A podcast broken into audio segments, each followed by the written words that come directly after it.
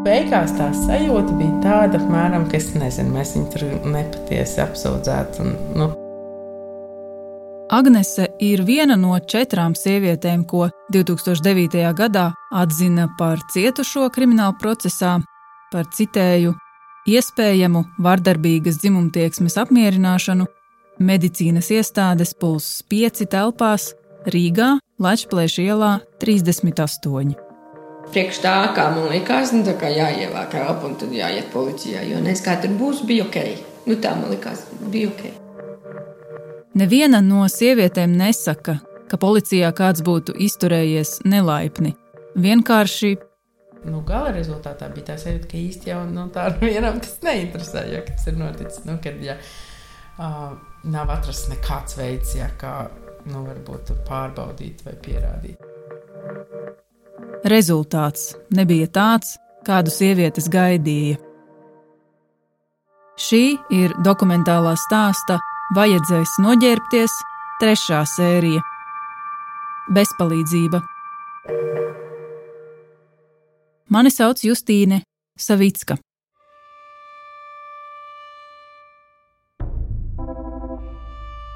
2009. gada vasarā sievietes pirmo reizi dodas uz pratināšanu policijā. Reizēm mēs reizēm uzzvanījām profilaktiski, apjautāties, kā iet. Uz to brīdi, kad mainījās, tur inspektori šī vairs nav, tagad vietā cita. Lietu izmeklē četrus gadus. Laiks, tik ļoti ilgs laiks pagāja. Kriminālu procesu policijā sāk viena inspektore. Nu, es jau pat paspēju aizmirst par to lietu.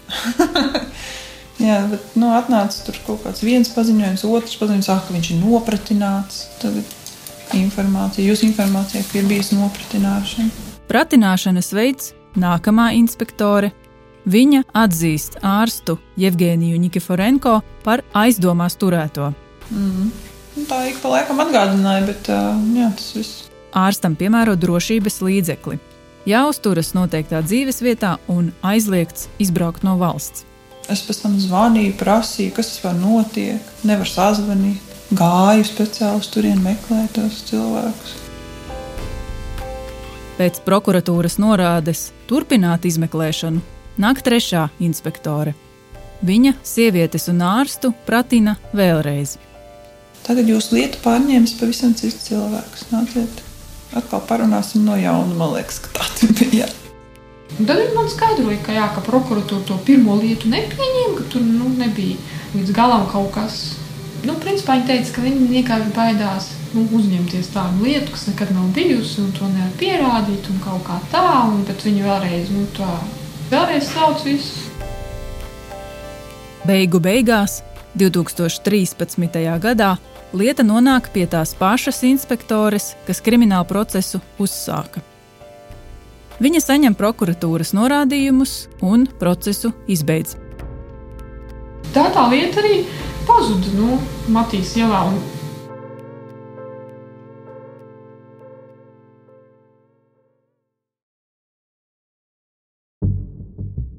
Klausoties ārsta bijušo pacientu stāstītajā, pētot šo lietu, rodas vairāki jautājumi par izmeklētāju lēmumiem. Pirmkārt, jau kādēļ kriminālu procesu izbeidza. Atbildes varētu sniegt valsts policija.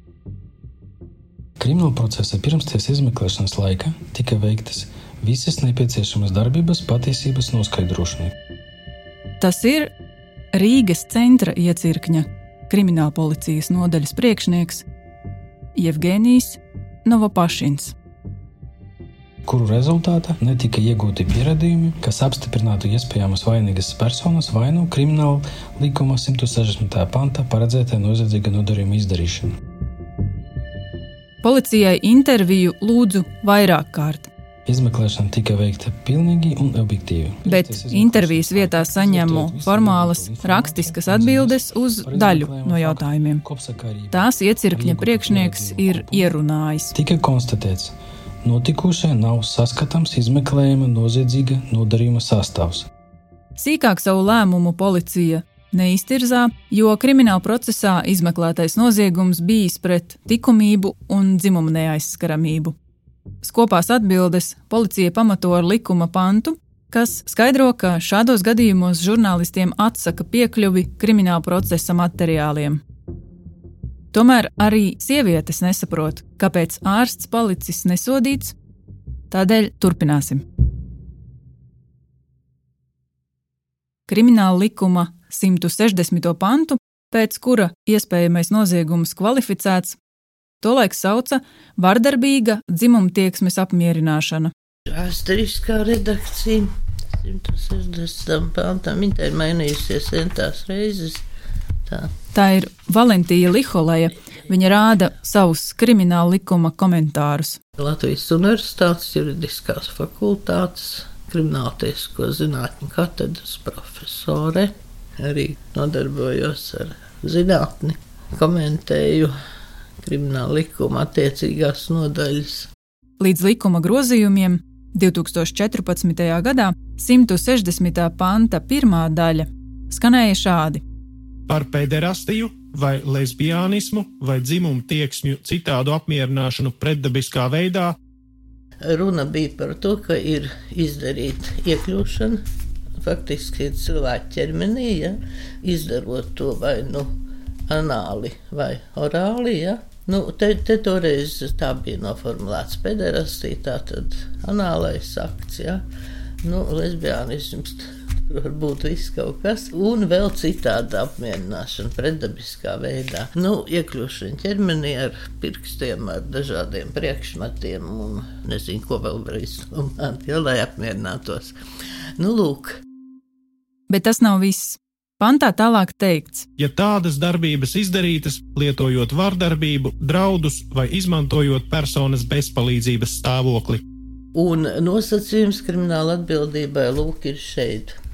Lietojot vardarbību, draudus vai izmantojot personas bezpalīdzības stāvokli. Ir jākonstatē viens no šiem nosacījumiem. Bija jābūt ne jau visam, bet kaut kam vainu, vainu, vainu. Jā. Par draudiem sieviešu stāstītajā nekā nav.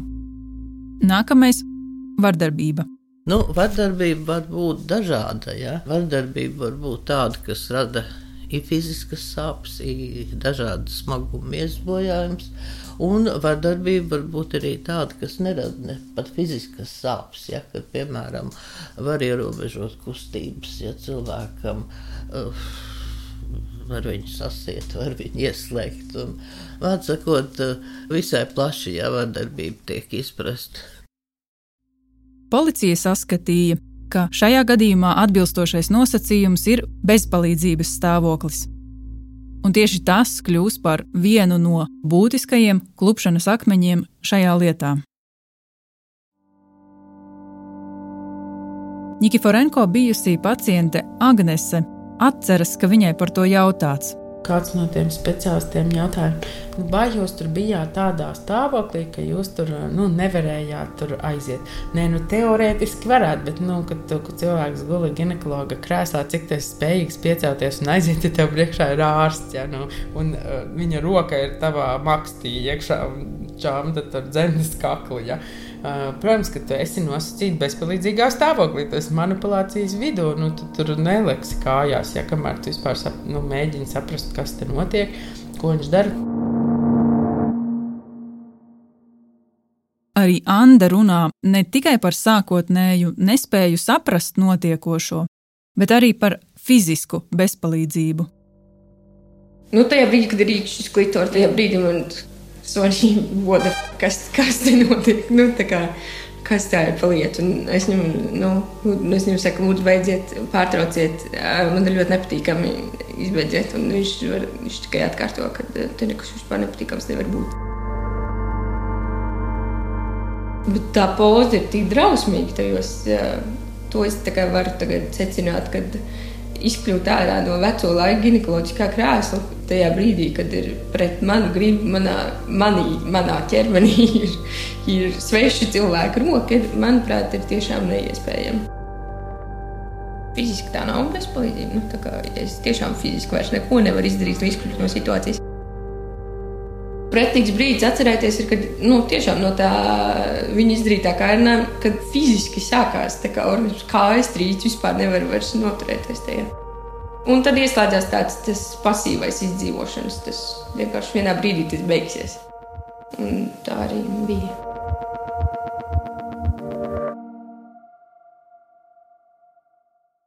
Izmeklēšana ilgst jau vairāk nekā divus gadus. Un tad sievietes, kuras atzītas par cietušajām, saņem ziņu, ka viņām ir jāveic tiesu psihiatriskā ekspertīze.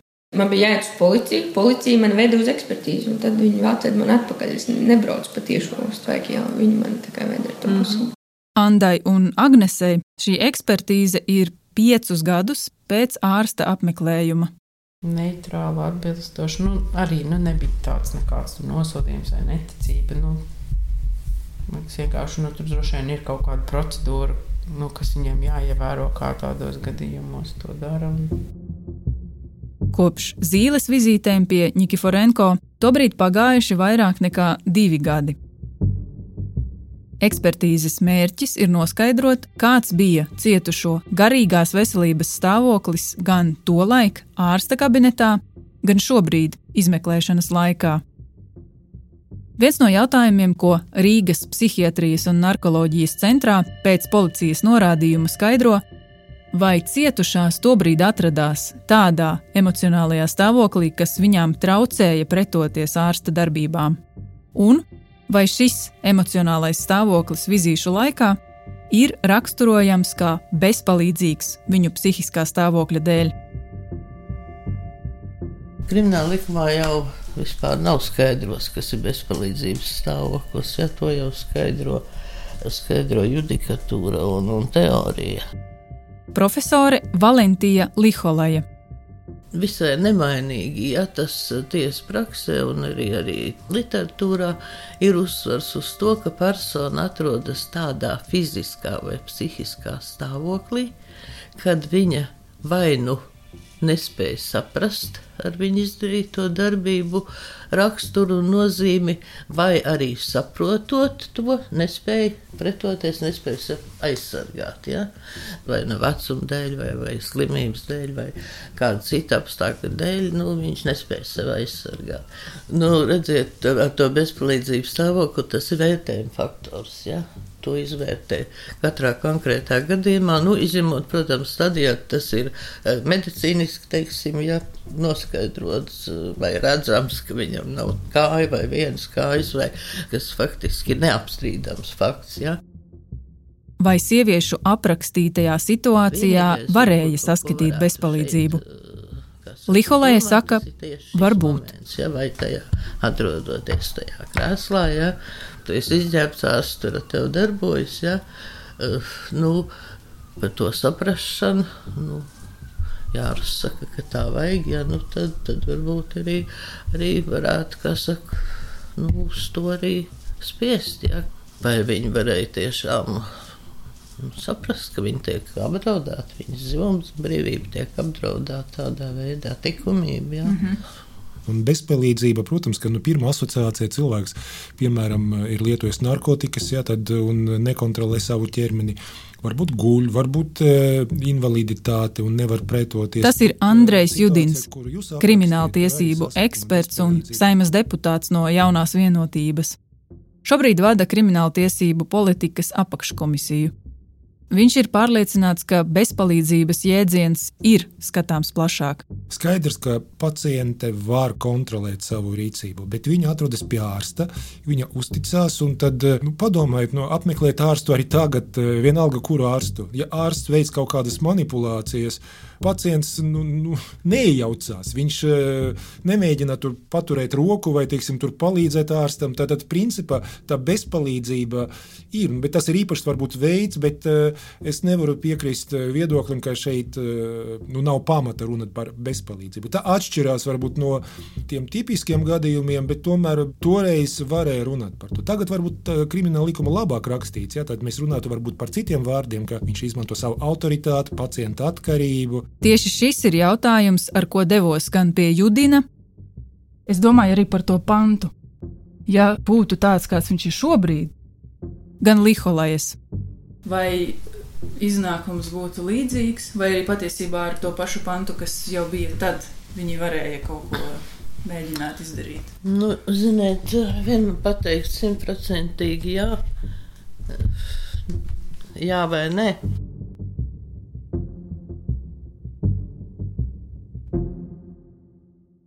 Pēc likuma grozījumiem 2014. gadā 160. pantu pārsauca par seksuāla vardarbība, un bezpalīdzības stāvoklim pievienoja vārdus pret cietušā gribu. Turpinās šīs darbības, kad jau uh, sāk iebilst, faktiski tas jau sāk notikt pret gribu. Ja? Un vardarbības vai draudu lietošanai pievienots arī Lūk, vai no autoritāti, vai uzticība, jā, kā te rakstīts, vai citādi ietekmi uz cietušo. Šajā gadījumā, par kuru jūs stāstiet, tur tas tiešām ļoti būtu iederīgi. Jā. Tā ir uzticība ārstam, arī autoritāte faktiski. Arī varbūt vēl kāda citāda ietekme var viņa te skaidrojumu, jā, tā vajag, tā mācība, un, un, un tas ir pareizi, un, un tā tālāk.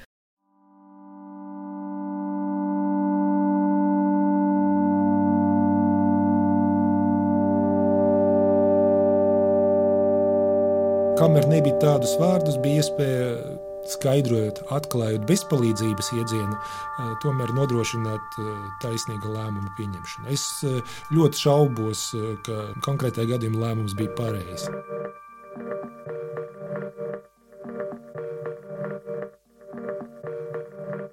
Tiesu medicīnas ekspertīzē secina, ka sievietes varēja saprast ar viņu veikto darbību raksturu un nozīmi, Visas atradās tādā emocionālajā stāvoklī, kas varēja traucēt, ierobežot vai būtiski ietekmēt viņu pretošanās spējas. Ekspertīzē tiek pieminēti zīles ārstam izteiktie lūgumi pārtraukt, arī Andas stāstītais par fizisku pretošanos. Bet visos atzinumos ir secināts, ka emocionālais stāvoklis vizīšu laikā nav raksturojams kā bezpalīdzīgs cietušās psihiskā stāvokļa dēļ. Ko tas nozīmē krimināla procesā? Tā kā bezpalīdzības stāvoklis nav konstatēts, nav vienas no pazīmēm, kurai ir jābūt, lai vainīgā nodarījumu atzītu par noziedzīgu. Kas notiek tālāk, un ko par to visu saka ārsts Nikiforenko? Par to podkāsta nākamajā epizodē. Vēl tikai kāda uzmanības vērta detaļa. Jo viņam bija tur arī kaut kāda māsiņa, un tur jau ir kabinetā ar ginekoloģisko krēslu. Tas bija atsevišķs neliels kabinets, kur nu, bija tikai es, un viņš tur nebija neviens cits cilvēks. Bet es atceros, ka kaut kādā brīdī tur tā māsiņa figurēja tajā kabinetā, kur bija galds, un mēs sēdējām, runājām. Es neatceros, varbūt viņi tur parādījās, kaut kur aizgāja. Jo tā, ka visu laiku viņi būtu, tā nebija. Ārsta bijušās pacientes arī policijai stāsta par šo medicīnas māsu apraksta, kā viņa izskatās, kādā valodā runā, cik veca viņa ir. Ārsts policijai neslēpj, ka privātpraksē kopā ar viņu strādājusi medmāsa. Viņš stāsta, ka pieņēmis viņu darbā, paskaidro, kādi ir medmāsas pienākumi, arī apraksta ārējo izskatu un norāda, kā viņu sauc. Ja pieņemam, ka pacientes apskašu laikā savus lūgumus pārtraukt, manipulācijas ārstam izteica skaļi, Iespējams, medicīnas māsa varēja to dzirdēt, varbūt kaut ko pamanīt, varbūt tieši otrādi. Iespējams, viņa teiktu, ka kaut kas tāds viņai nemanot, nemaz nevarētu notikt. Sieviete, kuras vārdu un uzvārdu ārsts nosaucis, tiek pratināta. Saruna ir īsa. Pēc profesijas esmu pavāre. Neesmu saistīta ar medicīnu. No 98. līdz 2009. gada 1. februārim esmu strādājusi par pavāri. Rīgā neesmu bijusi kopš 2007. gada. Tādu ārstu Nikiforenko es nezinu. Nekad par viņu neesmu dzirdējusi. Kāpēc viņš nosauca manu vārdu? Nezinu. Beigās sieviete piebilst, ka tagad viņa ir bezdarbniece un regulāri atzīmējas darba biržā.